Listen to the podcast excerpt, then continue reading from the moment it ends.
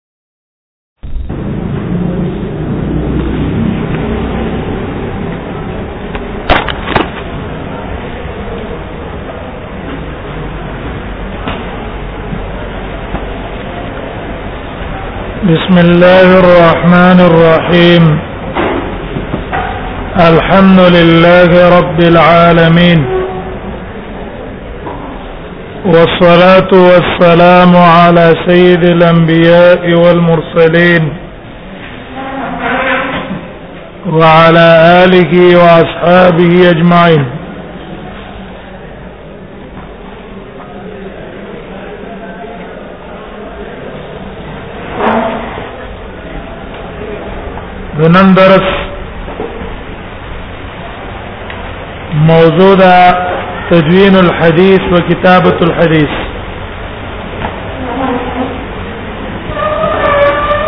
احادیث مدون شوی کړی دي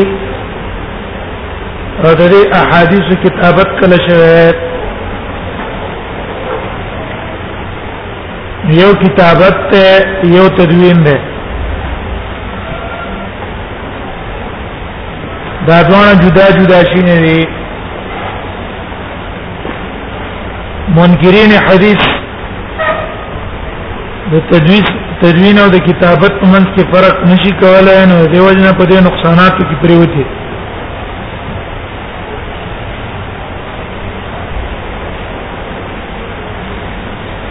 کتابت د حدیث چې یو دا د نبی صلی الله علیه وسلم په زمانہ کې شوی دی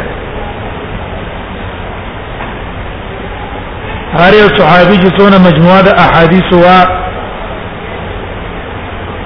اکثر صحابه دا مجموعه د ځان سره لیکلې وا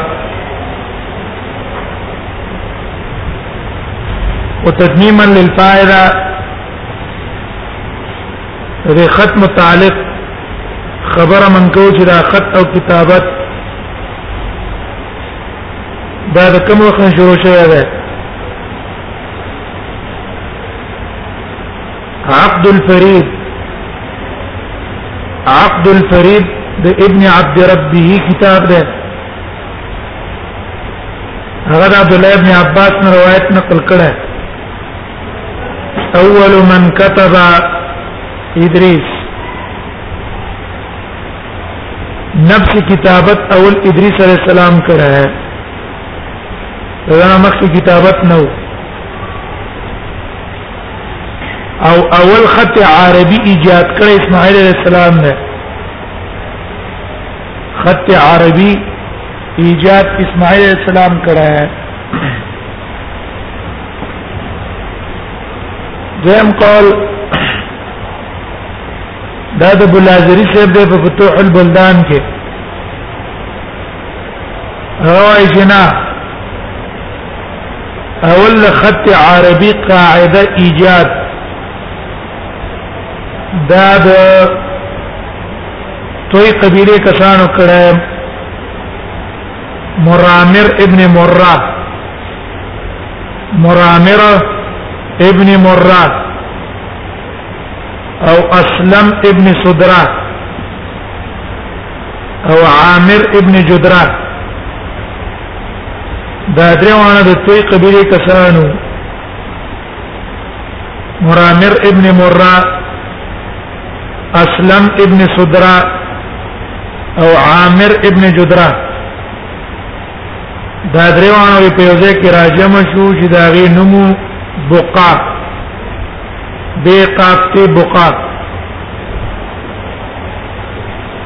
د توي قبيله کسانو او دیو را اولګه د وضعو رسم رسم الخط العربي د خط عربي رسم دی اول ایجاد کو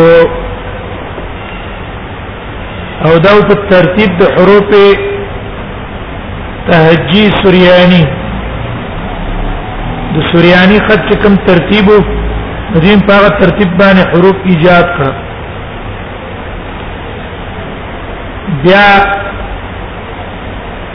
دا حروف د دیونه انبار والا ذکر فحفظ عنهم اهل انبار انبار والا را ولګي دا دا غیونه دا قواعد ذکر به د انبار والا نه سیره والا کسانو ذکر ثم من اهل حيره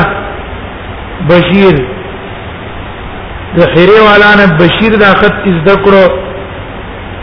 دا رور دی د والی د دومه الجندل چې او کېدر وته وي د او کېدر رورو بشير نه میو چې دا د دومه الجندل علاقه مشرو او دا بشیر به مکه ته راغلی وو دا غنه بیا سفیان ابن امیہ او ابو قیس او نور عربو دا خط از دکړیو دا ابتدا شو د خط عربي د نبی صلی الله علیه وسلم د بعثت په وخت کې په مکه کې کم کسانو چې په کتابت باندې پیدا او په مدینه کې کم کسانو چې په کتابت باندې پیدا نو فتوح البلدان د بولازری صاحب هغه کسان ذکر کړی دي چې کم په مکه کې وو او په کتابت باندې پیدا یو پاره کې عمر بن خطاب ده مکه والاو کې زم علي بن ابي طالب ده درم عثمان بن عفان ده سلورم ابو عبيده بن الجراح ده انزم طلحه ده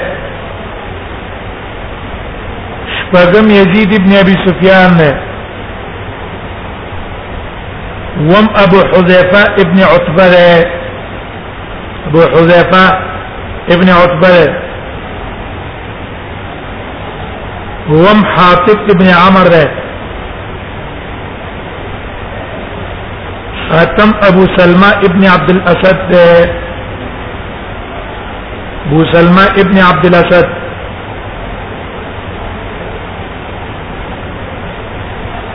بل بقي أبان ابن سعيد بل خالد ابن سعيد بل عبد الله ابن سعد حويتب ابن عبد العزاق ابو سفيان ابن حرب ابن اميه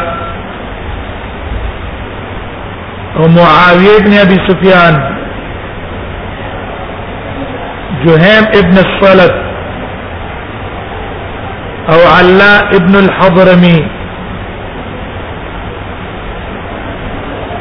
عامر ابن فهيره ورقه ابن نوفل دا کسانو په مکه کې چې په خط او کتابت باندې پیدل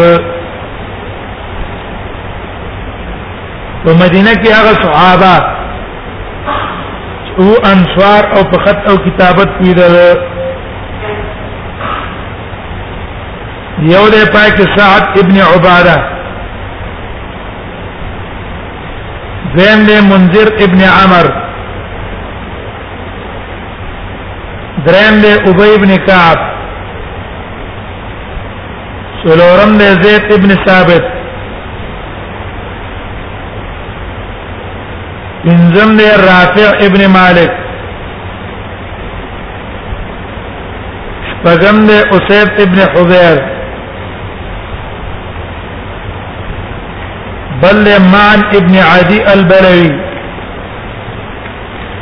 مان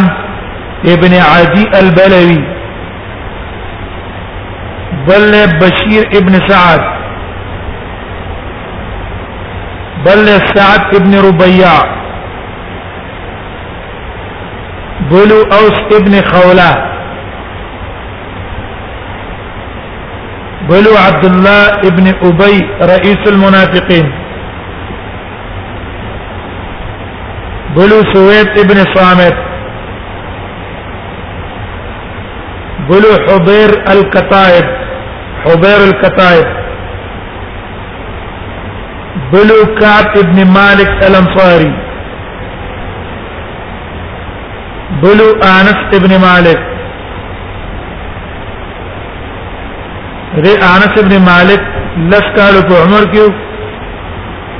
دا په کتابت باندې پیډو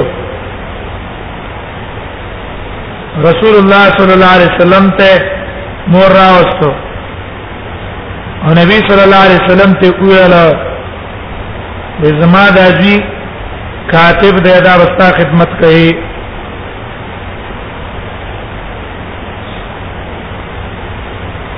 دو تتمیما للفائده د نبی صلی الله علیه وسلم په زمانه کې کتابت د احادیث شوه دلالت پرې باندې احادیث کوي احادیث نبویو ته دلالت کوي چې رسول الله صلی الله علیه وسلم په زمانه کې دا احادیث لیکل شوی دي دیو جن اکثر مصنفینو د صحاح په دی باندې باب کې خیر ہے باب کتابت العلم د امام بخاری باب کې خیر ہے باب کتابت العلم کتاب العلم کې راغی لاندې درې احادیث راوړي اولی حدیث راوړی دی د ابو جحیفه وې دا علی رضی الله عنه تاسو وکړای شو هل خصكم رسول الله صلى الله عليه وسلم نبی صلی الله علیه وسلم تاسو تخصیص په شی باندې کړه هغه الله الا کتاب الله وینا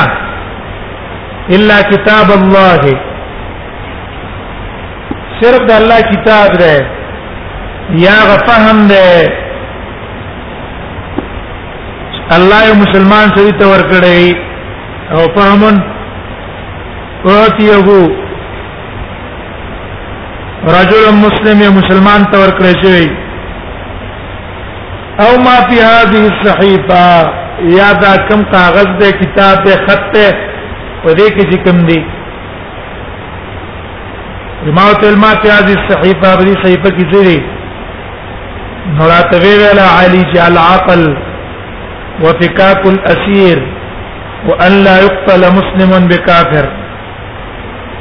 پدې کې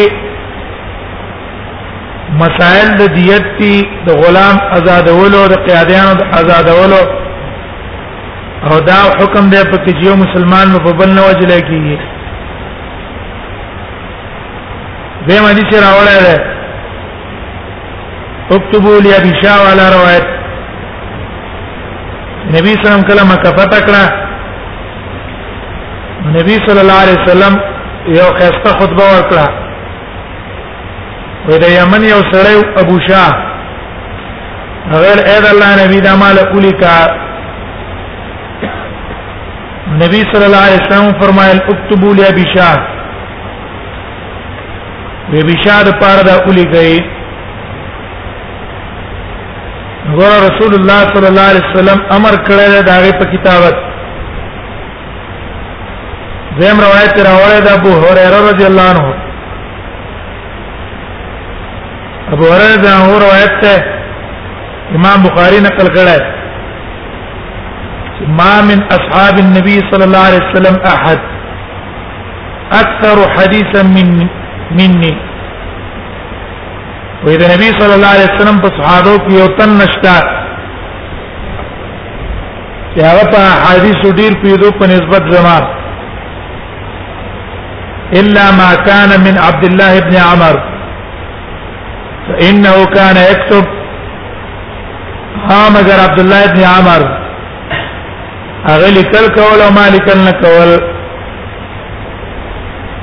دې حدیث باندې به دوه اعتراض دي بخاری کې به تراش یو اعتراض دا ده ګور دلته خوې چې عبد الله ابن عمرو بن العاص ته روایتونه ډیر معلومو په نسبت زما حال دا چې موږ ته ذخیره چې احادیث نقل دانو د ابو هريره روایتونه د 50 زره نه وړي 5573 یا 473 راځي او د امر بن عاص روایتونه زرو نه اوړي عبد الله بن عمر دا غي جواب پیدا ده چې ټیک د لیکل غډیر کړو واچون کې مصر تلاړو نو مصر ته مراجعه د علما او نو چاته اخذ د علم نو کو ابو هريره په مدینه کې ناس تو رضی الله عنه مرجع وا د طلباء ابو هريره د سنه بیان اول نقل لاغه نه زیات شو وطن په مرکز کې نه لاغه نشر ډیر کیږي وطن په مرکز کې نه دا کار څونه عالمي لیکن دا د علم نشر نه کیږي دیم اعتراض ته دا ده رسته من غوايو چې ابو هريره دا خدای له صحیفه صادقه لیکل وکړه او دلته دي چې ما لیکل نه لیکړي دا یو جواب دا ده چې دا د لیکل روایت کمزور ده زم جواب دا ده چې په اول کې لیکل نه کول رسته به ځان له څوکړو به ځان لیکل کړی دا د روایتونه امام بخاری راوړي په کتابت باندې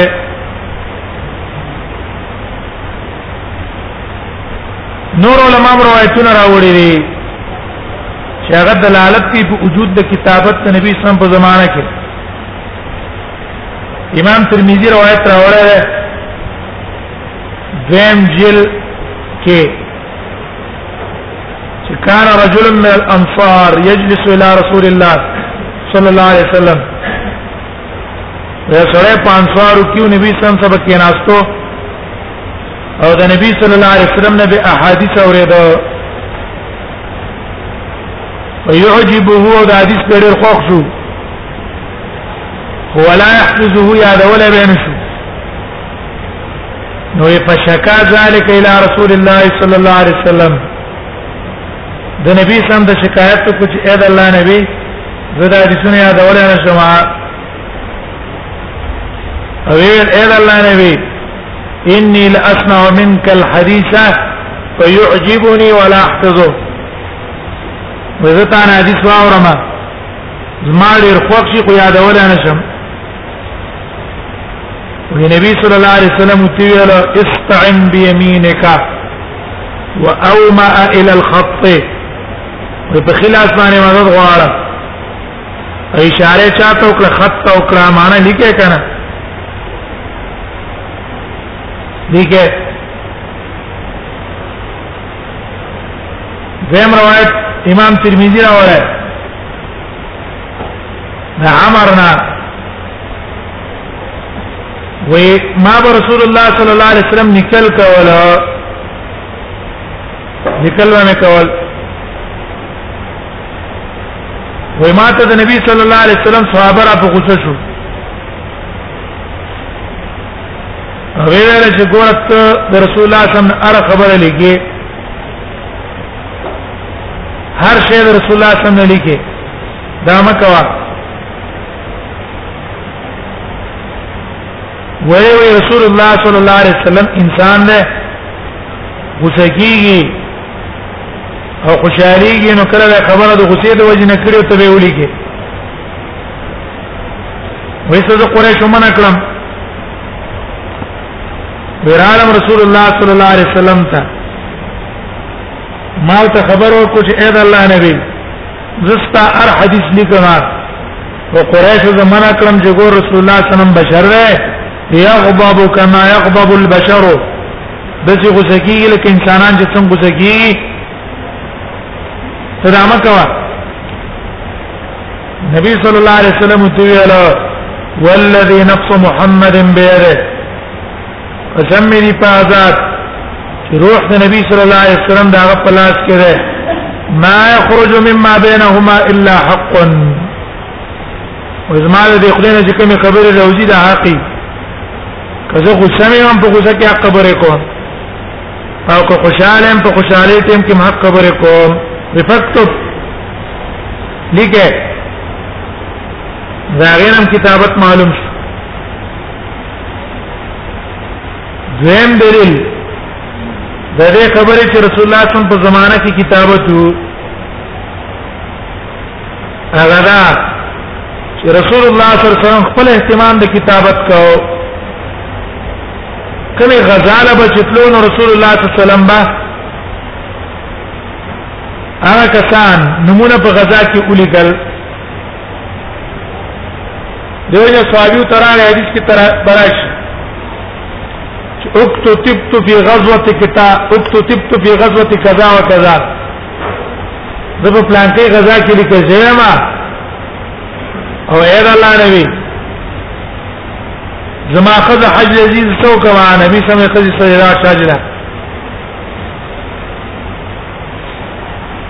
بخاری کې به د ابي بن کعب روایت تراش هغه وايي دون ډېر کسانو چې هغه دفتر نشو راجمه کوله هر غزاله به ستل رسول الله به اولی کړ لیکن دا لا یجمع هو دیوانو حافظ دا رجستر او کتابت کې دي نمونه لیکل کېدل نه دون ډېر غور رسول الله صلی الله علیه وسلم په وخت کې دا اهتمام کړی احادیث لیکل اهتمام به ولې نه درم دلیل چې رسول الله صم په زمانه کې د ټولو احادیث کتابت سره ده هغه صحیفې دي د صحابه چې هر صحابي ځان د پاره صحیفه لیکلې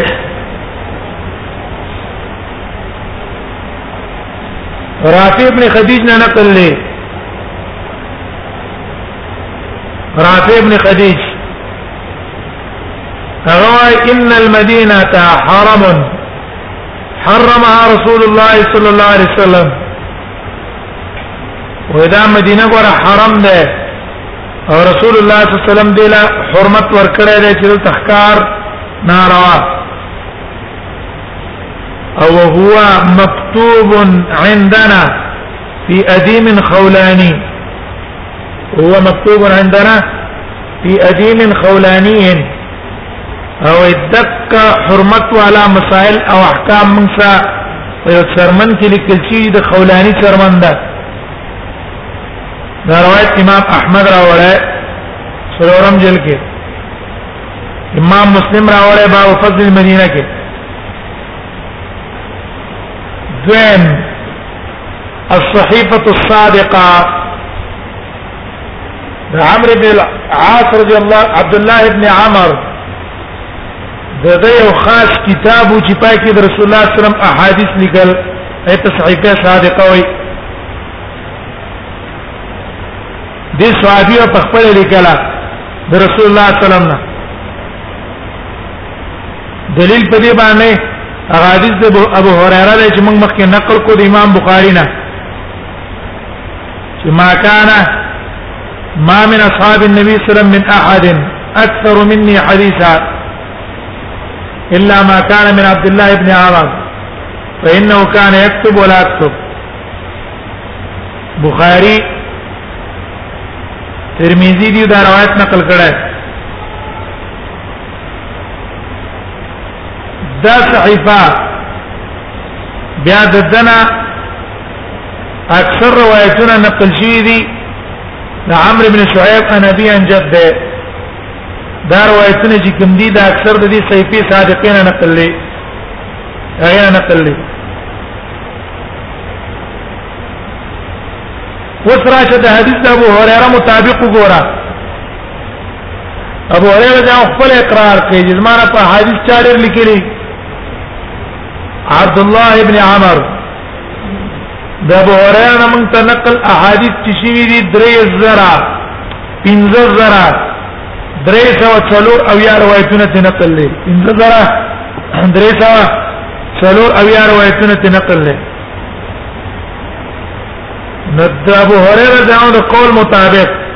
دا صحیفه وسونه دا به دې نه خامہ خاړې رہی دغه خپل وی چې یو صحابي ما زیات روایتونه ولا نشته په غیر د عبد الله ابن عمر زکا به لیکل کول ما به لیکل نه کول دویم دلیل په غټوالي دي صحیفه دا ول دلیل شو دویم دلیل په غټوالي دي صحیفه روایت ته د اوست الغابه اوس د غابه کې روایت ده چې عبد الله ابن عمر وايي حفظت عن رسول الله صلى الله عليه وسلم الف مثل حفظت عن رسول الله صلى الله عليه وسلم الف مثل وما ده نبی صلی الله علیه وسلم نظر د احادیث ذکر دي چې دا غي تعلق د امثال سره ده نظر احادیث تعلق د امثال سره ده نو چې د احکام سره کوم احادیث تعلق لري د دې بچونه انتهائی دریم دلیل د غټوالي دي صحیفه چې دا دونه غټه صحیفه وا هغه شوق ده د عبد الله ابن عمر عبد الله ابن عمر د کتابت ته ډیر څوک شوق وو د ځکلا مصر تلاړو دیرا اولګه د یو کتاب اولی کو صحیفه یرموکیه په نوم باندې تاریخ متعلق او معلوم شه د چیرې وزر د طالب سره د کتابت سره ډیر شوق وو رسول الله صلی الله علیه وسلم نه ډیر غټه ذخیره نقل کړي ها باقی نقل وجه مخکې مونږ ویلا لیکنه ډیره ده خو نقل شوی مونږ ته کمه ده وجه دا ده دو سبب دي دوا یو سبب دا ده چې د په مصر کې لار سره لارې د مصر وایلیو او ابو هريره په مدینه کې درس او تدریس وکاو یو تن درس او تدریس ته ځان روزګار کړی او بل یو تن د دنیا په امور کې نه ځامن کې فرقي دویم وجه دا ده چې عمر عبد الله ابن عمر د احادیث سره نور شي خلق کو تاریخونه او خلق کړه نو دیو جن خلقو به احتیاط کو ځان انتشاتو او دا نور شي خلق کېدو د وجنه کله کله به احادیث او قدر د شریو پر دیږي کنه امام تحاویل غټ پای والا عالم نه غټ پای والا دا روایتونه راوړي دا روایتونه من کې تعارض او تطبیق کوي لیکن خپل کتاب من وجه النظر ما استکت غرزوله چلان دی اخر کې لیکو من وجه النظر ومن وجه النظر دې وجه نه احناف په شوق باندې ویني بل څه په شوق وایي د نور علماء چې نظرونه مزرونه ختم کړی دي داري کې رسول الله صلی الله علیه وسلم احادیث نقل کړی نو دا کتابونه څه دي خلک هم کوي استدلال هم ته کوي شین هم تراز لري من وجه نظر باندې څه کړی دی خلط او سره وسته دی نو دیو جنا دا نور محدثینو نه خپل مرتبه لګا لاندې وته ګور هغه دا صحیفه لیکلې و او بیا به د دې صحیفه وې دون اهتمام کو دون حفاظت کو د یو شاګرد مجاهد مجاهد بن عبد الله بن عمر خواطر عالم عبد الله بن عمر خواطر عالم وما چوکته د بالغ لاندې یو کتاب پروتو وای ما اراده وکړه چې زه دا راواخلم او صحیفه راواخلم نشته زمانه منع کړه راي نه کړه وای ما او ته چې ګوره تا خو ما هیڅ منع کړی نه ده کتاب دې مال ولې را نه کړو ویراته ویل هذه الصادقه ودا صحیفه صادقه ده ما سمعت من رسول الله صلی الله علیه وسلم دا هغه صحیفه ده چې ما د رسول الله صلی الله علیه وسلم نه په خپل اورېدلې ده د حدیثونه ليس بيني وبينه احد زما د نبی صلی الله علیه وسلم په منځ کې څوک نه و ډایرکټ می ته اورېدلې او اذا سلمت لي هذه چې ما سره دا صحیفه او د الله کتاب را سره او کتاب اذا سلمت لي هذه وكتاب الله او د الله کتاب ما سره والوهز او وهز د زمکه وا وې د زمکه ما سره د بکرله نو فلا ابالي على ما كانت عليه الدنيا وزه دنیا به هیڅ پروا نه ساتم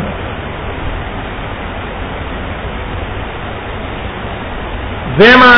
درما صحیفه د علی وا مخکې روایت موږ ویل کړه الا القران وما في هذه الصحيفه بخاری روایت هم نقل کو فاجری او تقریبا دغه روایت امام بخاری شپږو ځینو کې راوړل دی بعضینو کې اجمال دی په بعضینو کې تفصیل دی بل صحیفه تالیف انس انس چې کوم روایتونه د نبی صلی الله علیه وسلم نه اوریدل هغه به لیکل او مخکې مونږ ویل چې انس هم په کتابت باندې پیدو نبی صلی الله علیه وسلم ما شومان نو چې مدینه ته راغی ام سلیم ول خپل دازی انس راوستو نبی صلی الله علیه وسلم تی ویل هاذا ابنی وهو غلام کاتب ایر الله نبی دا از مازی ده او دا الک ته په کتابت باندې کویږي ستا خدمت وکړي تفات ابن سعد دا روایت راوړل دا د نبی صلی الله علیه وسلم خادم خاص بیا د عمر په زمانہ کې دا بصری ته تللی دی بصری ته الته تللی د هم د نبی سم په زمانہ کې ځان له احادیث لیکلو او نبی صلی الله علیه وسلم ته دا کتاب وړاندې کړی مو د پاره د توثیق اې د الله نبی دا خط مالک لري د حدیث ملایت مالک لري دا تو ګورا سعید ابن هلال هغه دا روایت نقل کړه هغه كنا اذا اكثرنا على انس بن مالك على انس بن مالك وکله چې په انس بن مالک باندې موږ څه پوښتنه ډېر کړو فاخرج الینا مجال عند رامن ته کتاب راويستلو دغه تربو ویلو هذه سمعتها من النبي وما دا د نبی صلی الله علیه وسلم دا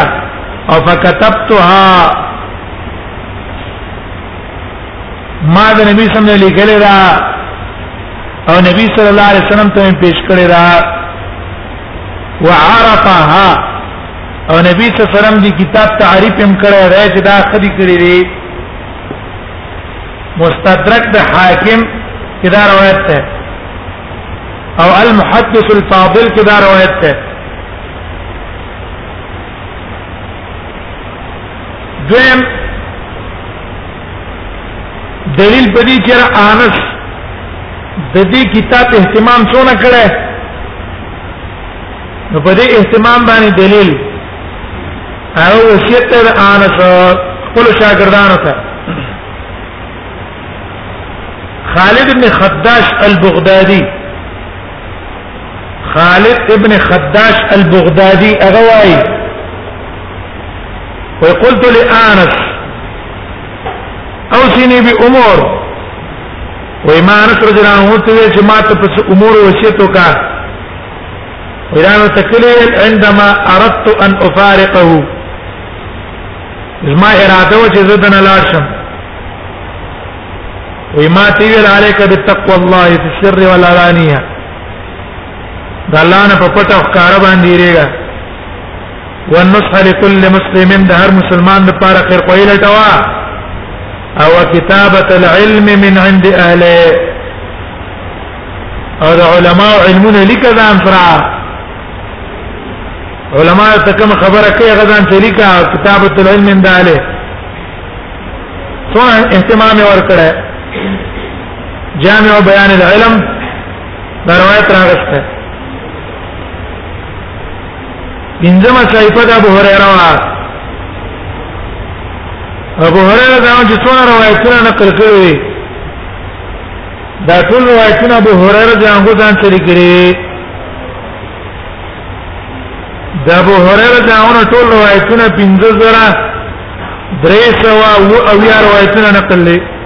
څلور بیا 15000 درې سوا څلور بیا دا روایتونه ابو هريره رضی الله عنه ځان ته لیکلی او ټوله دلیل په دې باندې روایت تر حسن ابن عمر ابن اميه ابو مري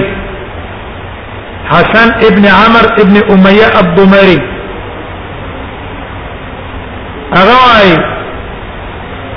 ويتحدثنا عند ابي هريره بحديث فانکره وې دا ابو هريره دا په خوا کې موږ یو حدیث بیان کړو هغه ته انکار وکړو چې را دا حدیث یې نه ده انکار یې وکړو وې ما او تیر ګورا انی قد سمعته منک حدیث کومه تا نه اورېدل ته څنګه انکار کې ويا غراتيل ان كنت سمعته مني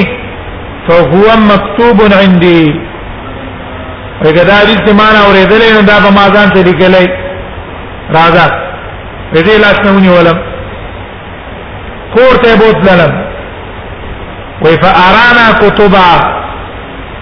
هغه ماته ډېر کتابونه تراو خودل فارانا کتبن کثیره من حديث رسول الله صلى الله عليه وسلم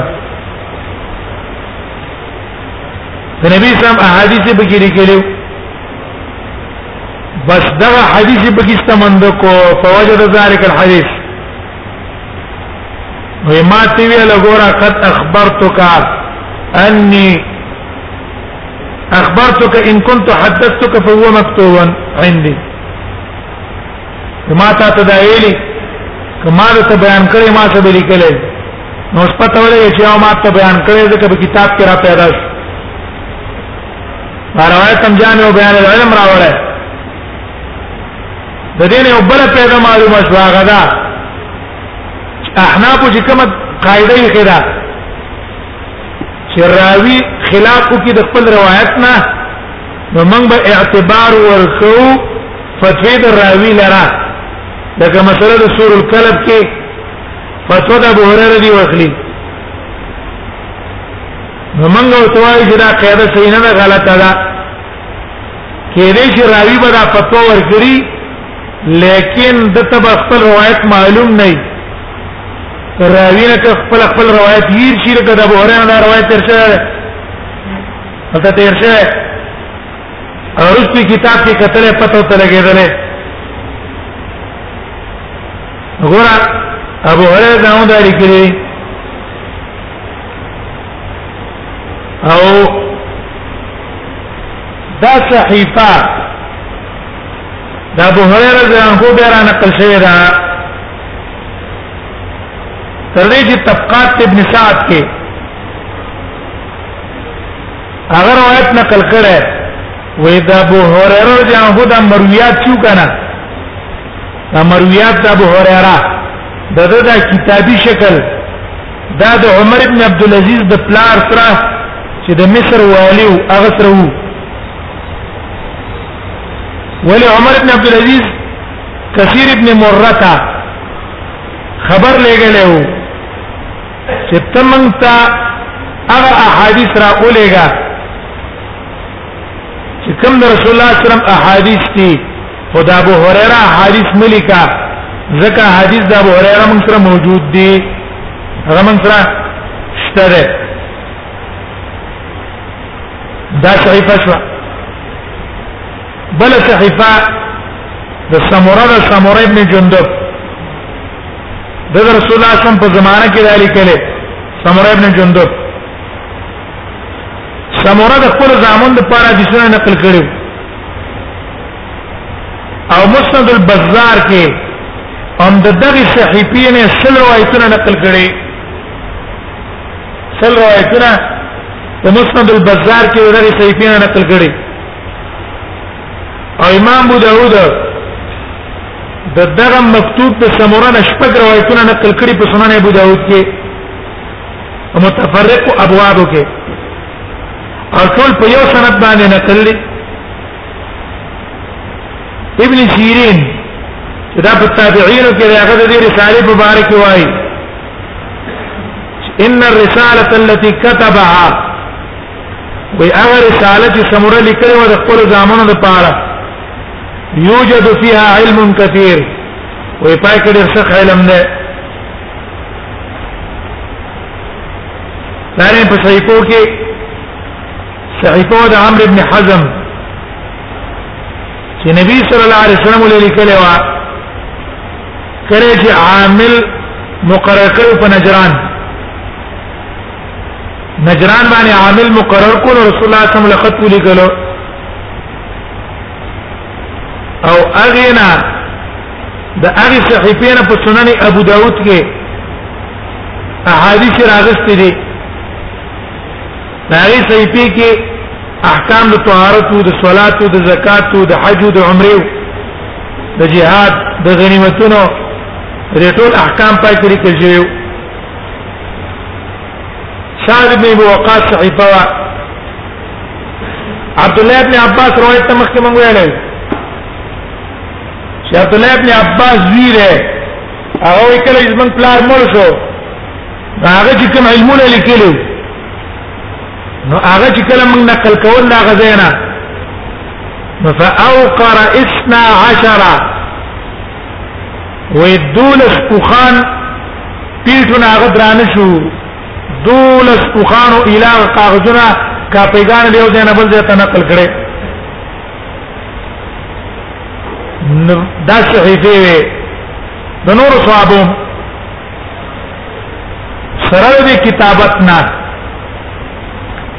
خو بیا د نبی سم په زمانہ کې کتابت ډیر مشهور نه و ډېر مشهور نه و په کثرت سره لکه اوس زمانه کې چې څونه کتابت ډېر دی د دې اسباب څه دي اسباب یو سبب دا ده چې کتابت اصل کې مقصود به ذات نه ده کتابت د احادیث مقصود بالذات نو بلکې دا ذریعہ د پاره حفظ چیرې احادیث موږ د دې په ذریعہ باندې دا ازدکو دا ذریعہ د هغه لپاره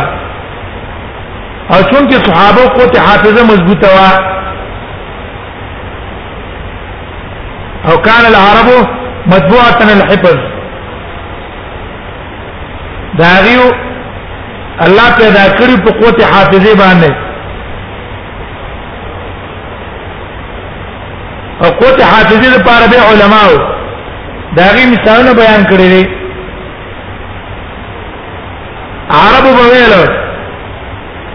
وی حرف فی تامورک حرف فی تامورک خير من عشرة في كتبك یو حرفي استاد په ذهن کې پروتي دا غوړه دې نه چې لږ خبرې استاد په کتاب کې په کتاب کې لږ خبرې لیکلې او یاد ته نه دي او یو خبره دې لیکلې په ذهن کې پرته ده یاد وتا دا یو خبره ده غوړه ده سنا دوجه شاعر وایي علمي معي حيث ما يممت احمله بطني وعاء له لا بطن لا بطن صندوقي وعلم زما زما سر احمله حيث ما يممت احمله كم طرف تجز قصتكم كم ذان علم رب بطني وعاء له و زما دا زړه دا غیر پاره لوخه ده لا بطن صندوقي او د صندوق خټه دا غیر پاره لوخه نه نه چې پاکي می ساتلی نو ایت ویر ابن عبد البر رحمه الله نقل کړی دی چې کان احدهم يحفظ اشعار بعض في سمعه واحده و یو تن با اشعار د یو تن په یو ځل اوریدو باندې ټول یاد کړو دونه قوت حافظه ولوي امام بخاری رستو ګورا درې مسله کې راغلي سونه قوت حافظه وا امام ترمذی احوال کې بتراش چې هغه سونه قوت حافظه وا امام ابو داود او نورو نو قوت حافظی دی الله ور کړې بخاری کې بتراشی د حمزه قاتل وحشی هغه یو معشوم د مور سره یو تن لپیو لوړې په کوټیواري کې او دا هغه قدمه کتلې او دا کس د به نه دی لیدل غشره بلوغ تر رسیدلې او شام ته ملاقات ته ورغلی دی مخ ارچی پټکړي صرف قدمونه اختیاري او ته پوسه تکړه چې وحشي ته ما پیژنې نه ولر پیژنم خو نه ته څوک خدا قدمونه ته مې دې او قتل نو ما ته یو ماشوم را یاد چې ما پلان کې لورو هغه دا ماشوم دونه کوته حافظه راغی وینو په کتابت څه کول دیو جن کتابت ډیر نه کاو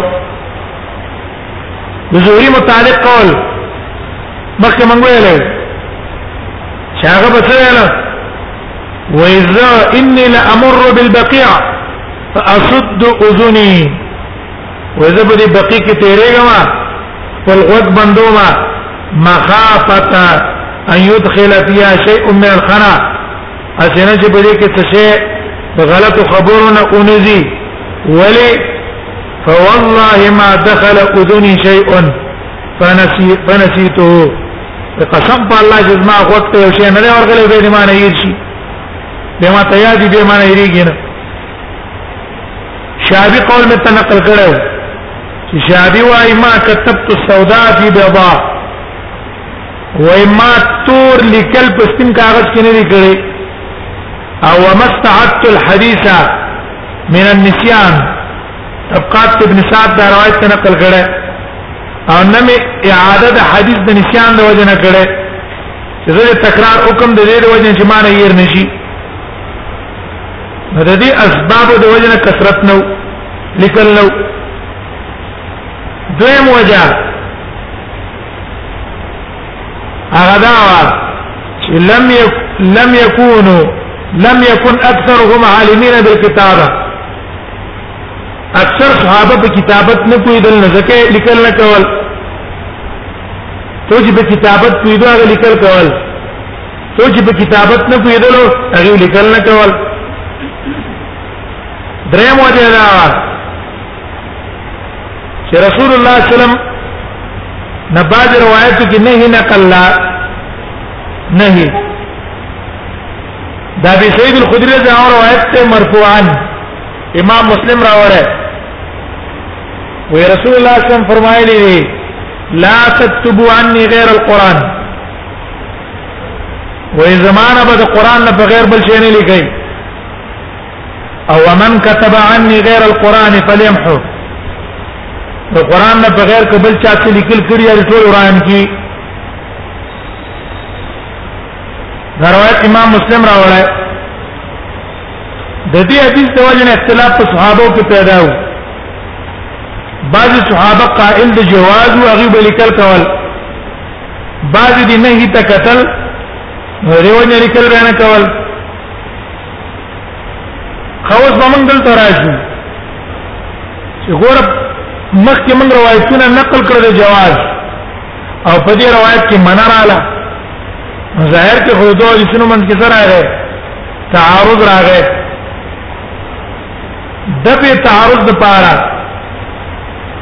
علما جواب کړي یو جواب امام بخاری کړه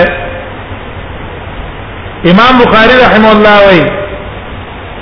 احادیث د جواز مرفوع دی رسول الله صلی الله علیه وسلم ته او حدیث د منع لم يثبت رفعه بل هو موقوف دا مرفوع روایت ته دا د ابو سعید خدری قول له دا ابو سعید الخدری رضی الله عنه قول له او قاعده دا ده چې کله تعارض په مابین د مرفوع او موقوف کې راشي موږ په مرفوع په سيزو موقوف عمل د صحابي و پریدو قول د صحابي و پریدو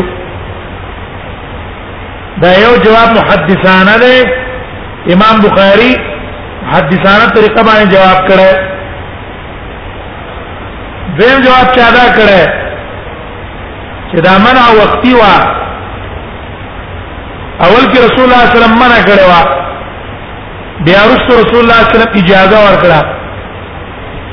او منه د سوج نه کړی و خوف التباس القران بالحديث چې قران چرته د حدیث رګډ نشي خوف التباس القران بالحديث قران د حدیث رګډ وډ نشي بیا رسول چې دا التباس ختم شو اجازه ورکړی شو دریم جواب چا دا کړه وی حدیث د ابو سعید چې منه ده هغه محمول له پاو صورت چې حدیث او قران په یو ځای لیکي آیات او حدیث په یو ځای کې اولی کله ممنوع دي ولې خطر ده سړی ته به پته لګي چې قران کم دی حدیث کم دی او چې حدیث دی بیل لیکل او قران دی بیل اولی کول هغه جائز دی څلورم جواب هغه دا ده چې احادیث د جواز ناسخ دي د پاره د احادیث د نهي اول کې نه هوا بیا رسول رسول الله صلی الله علیه وسلم اجازه او کفته د مکه کې چې اكتبوا لي ابي شاه عمرو بن حزم له اخر کې صحیفه لیکلې هغه حدیث ناسخ دي د پاره د منای خدا ځین کې کې نه وای چې دا اختلاف د جواز او د کراهت دا په ابتدا کې مخکې د زمانه د عمر ابن عبد العزيز نه د عمر ابن عبد العزيز د زمانه نه بعد د ټول علماو اجماع د په جواز د کتابت بلکې په استحباب بلکې ابن حجر فتح الباری کې وایي که یو تنی پاغه باندې دعوت لازمی او قوت حافظه کمزوري احادیث تیریږي هغه د پاره لیکل فرض دی لیکي به ولې هغه تبلیغ په فرض ده او د دغه احادیث ضبط په فرض ده او ضبط بغیر د کتابت نه کیږي نه نو د دې وجه لیکل په فرض دی دا کتابت دویم نه تدوین د حدیث تدوین تدوین دې ته وایي چې دا ټول احادیث په یو ځای کې راجمع کول مکه خوره صحابي څخه خپل خپل ذخیره یو صحابي څخه خپل بل څخه خپل بل څخه خپل لکه تدوین د قران مخکې قران جدا جدا او چا ته یو چې لیکل شوی چا ته بل چا ته بل ابو بکر را اولګي به یو ځای ته راجمه کو عثمان را اولګي به په یو قرات راجمه کو دغه چې تدوین د احادیث ده دا ټول احادیث یو ځای ته چې راجمه کړو دا چا راجمه کړو نو تاریخ اصفهان ابو نعیم په تاریخ اصفهان کې لیکي چې دا تدوین عمر ابن عبد العزيز کړه ده په نه نوي هجری کې یو کم سلام باندې نه نوي هجری و عمر ابن عبد العزيز راولا کې دو كتب عمر ابن عبد العزيز الى الافاق و عمر ابن عبد العزيز اطراف تلکل اکرا واليان تا انظروا حديث رسول الله صلى الله عليه وسلم فاجمعوه ده رسول الله صلى الله عليه وسلم احاديث وګورئ هغه یو ځای ترجمه کوي او بعض روایتونه کې دا دي چې دا خط والد مدینه تم لیکل او ابو بکر ابن حزم مدینه والی او ابو بکر ابن حزم غدا روایت امام بخاری راوړل باب کیف یقبض العلم امام بخاری راوړل کتاب العلم کې باب کیف یقبض العلم رايك رواية راوله كتبه عمر بن عبد العزيز الى ابي بكر بن حزم وعمر بن عبد العزيز ابو بكر بن حزم چې د مدینه والی و هغه ته خط ولیکلو چې انظر ما كان من حديث رسول الله صلى الله عليه وسلم فاكتبه انظر ما كان من حديث رسول الله صلى الله عليه وسلم فاكتبه وي ته وګوره چې د رسول الله صلی الله علیه وسلم کوم احادیث ته هغه اولیکا فكتبه لي مال اولیکا ووجد هذا فاني خفت دروس العلم وذهاب العلماء زکه زه اریګما چې دا علم به زور شي علما به ختم شي بیا دا علما را اولګېدل احادیث راجم کړو د پدی جامعینو کې دوه کسان ډیر مشهور دي دوه کسان ډیر مشهور دي او دغه د شهرت ته وجه نه صرف دي ته جامعین وای یو د ابن محمد دا محمد ابن مسلم ابن عبید الله ابن شهاب الزهري امام زهري باندې مشهور دی محمد ابن مسلم ابن عبید الله ابن شهاب الزهري دا په 125 هجری کې وفات ده یو پکې دا مشهور ده دویم پکې ابو بکر محمد ابن عمر ابن حزم چې دا په 120 هجری کې وفات ته د زهری نه پنځه کال مخکې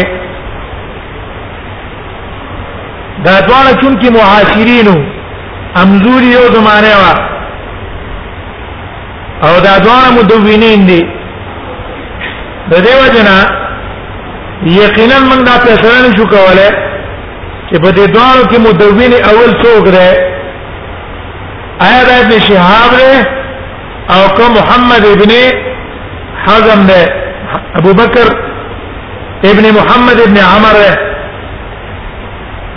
نو دیو جن علماء اختلاف کړی دی په اول دریو کې یو مذهب امام مالک ابن حجر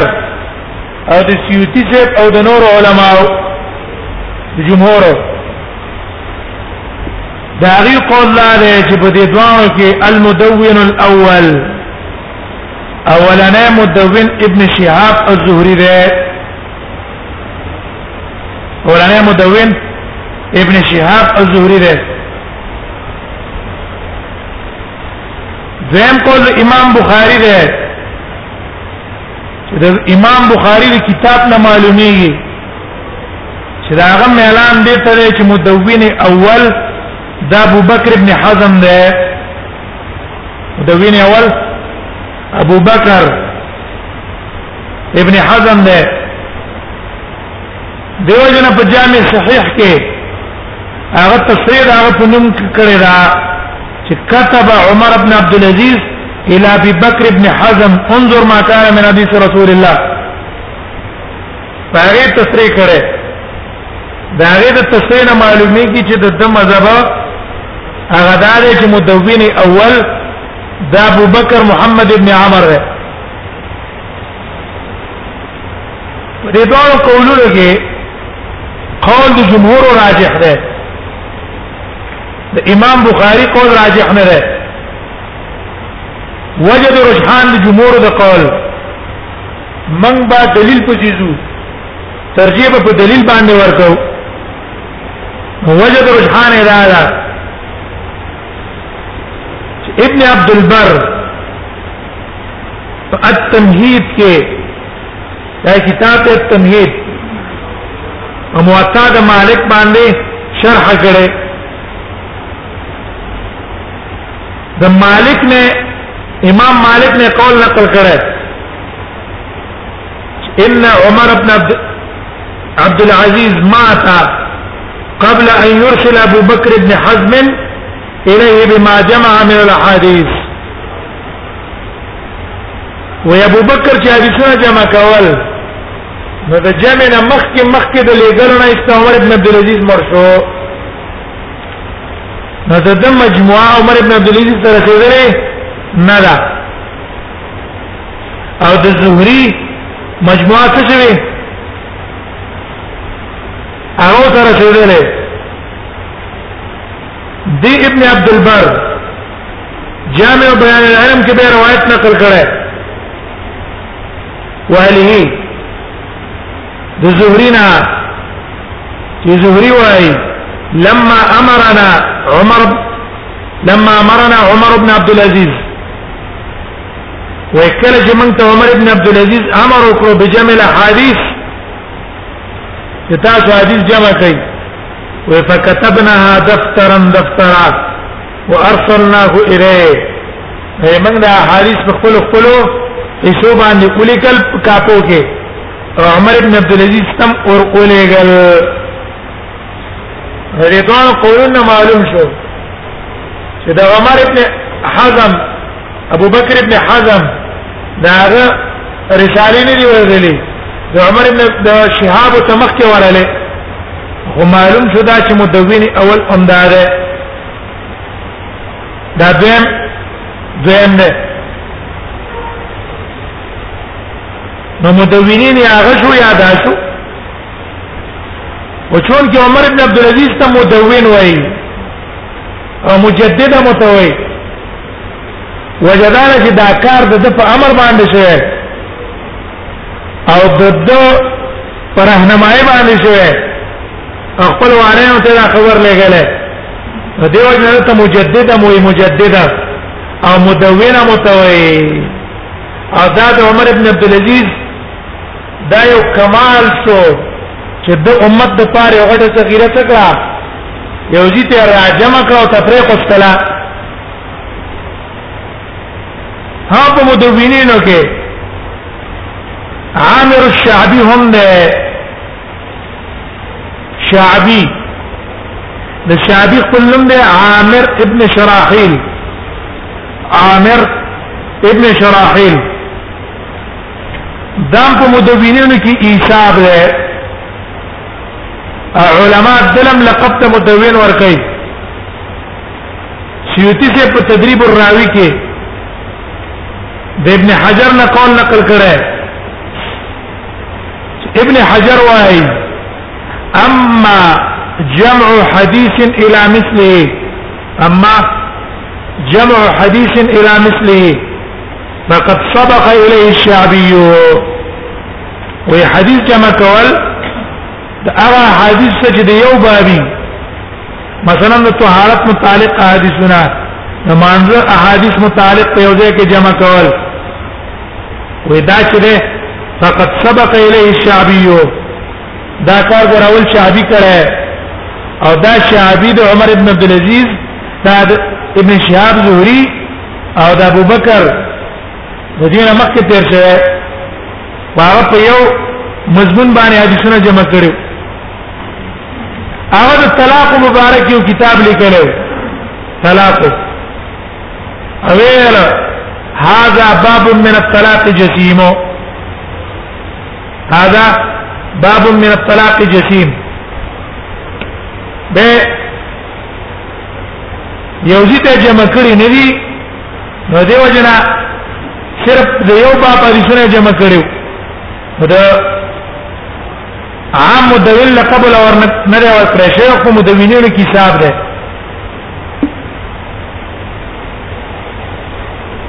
د تدوین حاصل دا شو دې خبره چې یو مدون دی علی باب واحد نو مدون علی باب واحد اولنې شعبی دی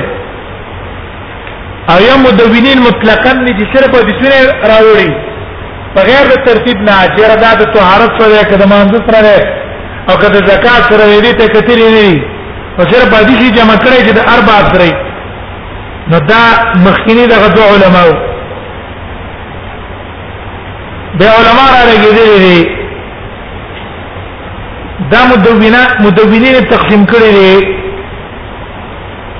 طبقات المدونین او طبقات المدونین نو طبقات المدونین کې یو اولنې مرحله ده المرحله المرحله الاولى مرحله اولى کې تدوین سو على الاطلاق مطلق مطلقاً حدیثونه جمع کول دی با حدیثونه را جمع کول متفق چې څنګه به زین تراله غیر د اهتمام د ترتیب نه ترتیب مرتیب ته ورانه کتل په یو عنوان باندې یا په یو باب باندې دا په زمانہ د عمر بن عبد العزيز کیو او د زهري او ابو بکر ابن محمد ابن عمرو ابن حزم دا کار کړه دیمه مرحله هغه په وسط د قرن ثاني کې دغه پیړۍ شو کنه دغه پیړۍ نو پاتې به علما را ولګېدل هغه کتابونه راجمع کړ تدوین علی الابواب تدوین په ابواب باندې وکړو انا حدیث راجمه کې په ترتیب د ابواب او په دې مرحله کې مشهور ابن جریج دی ابن جوریج دا غلم دی عبد الملک ابن عبد العزيز ابن جوریج عبد الملک ابن عبد العزيز ابن جوریج درم په دې مرحله کې د هشام ابن بش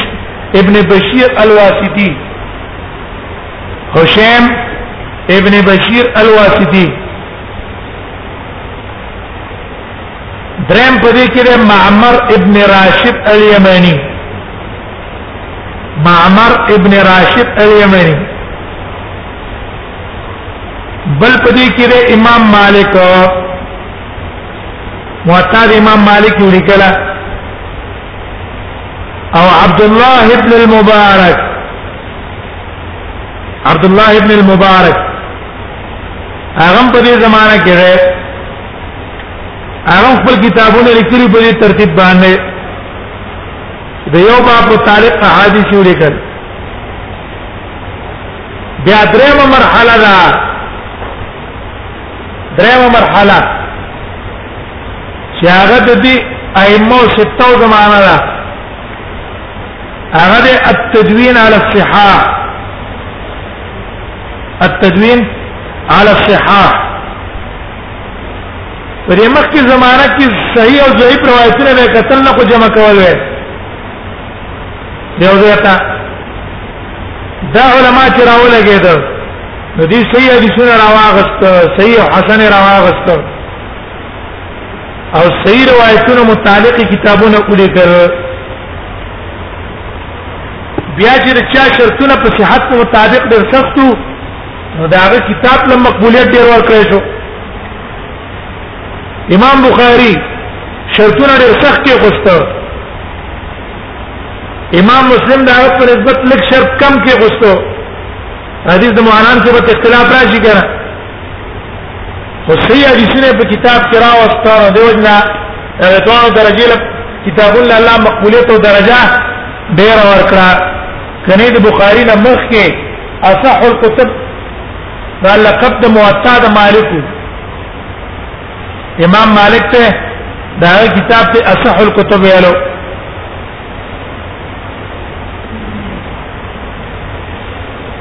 بیا چې امام بخاری بخاری ولیکلا او قوی روایتونه به کراوړو نو دا لقب د امام بخاری کتاب ته الله ورکړو او بیا دیم نمبر پسې مسلم شو نو بیا ابو داود او ترمذی او نسائی ابن ماجه دیم را اولګیدل دیم ترتیب د کتاب او خپل خپل طریقې دي تک د امام بخاری باندې سره وره او امام ابو داود باندې سره وره او امام ترمذی را وره او امام نسائی را وره د هر خپل طریقه ده هريو خپل طریقه ده امام ترمذی خپل نه حجت ده په کتاب کې ابا بیان کو چې دغه ترمذی لیکلا کتاب کې نه حجت ده امام ابو داود خپل نه حجت ده په کتاب کې هغه چې دا کتاب لیکل په کوم نه حج او په کومه طریقه لیکل ناج د کتاب منهج د کتاب مقصد د کتاب خواص د کتاب دی علماء دا کتابونه ولیکل نو صحیح د زید نه روایت نقل کړو او دا په درېمه صدې په ابتدا کې ولې بخاری امام بخاری مسلم ابو داود نسائی ابن ماجه ټول اقران دي اقران اصلي امزول دي په یو زمانہ کې دي لک لک یو بل لک شران مشران دي لک لک اقران دي په یو زمانه امزول دي او دغه زمانہ ډیر علمی زمانہ وا ډیر چرچا د علم په دې زمانہ کې او دا علماء په دغه زمانہ کې محدثینو دې چې دا کتابونه لیکلي دي کنه دا ډیر مغز او خلاصه دینه وستره ده اساسا خبره نه ده امام بخاری خپل کتاب کې دریش کار لګولې امام ابو داود په ابو داود کې تلويخ کار لګولې دغه امام ترمذی هغه په خپل کتاب په طالب کې عمره لګولې دا تابع والانو چې راځر در کتابونه کو بار کرو باسه نا سوچ سمجھې کو بار بار خپل کتابونه تدریس کړی دي او دا پس داګه نه ځان سره لیکلي دي چې دا یو کتاب بار بار تدریس کی تدریس کی راغت په هر هر خبره هر طریقه غو ته معلومه شي دا خبره دلته مناسب نه دلته مناسب ده دلته نه دلته بوزا دلته نه دلته بوزا دلته ودا مناسب وي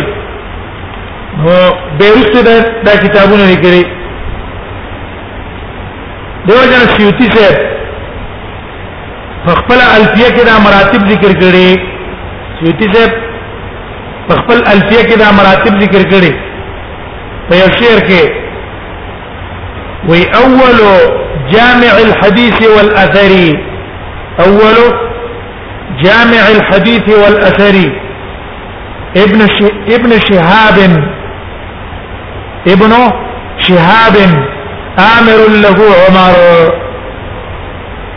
وی اول جامع د حدیث او د آثار دا ابن شهاب زهری ده او امر له عمر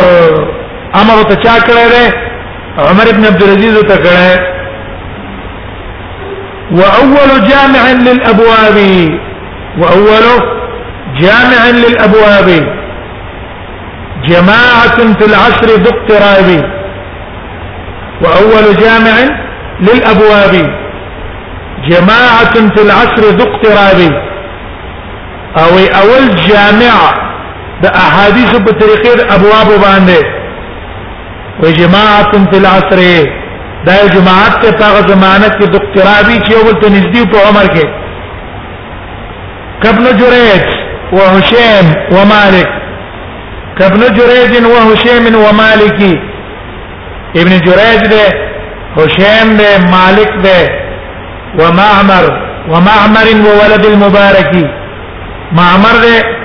او عبد الله ابن المبارك ده واول جامع سقط شاري واول جامع سقط شاري على الصحيح فقط البخاري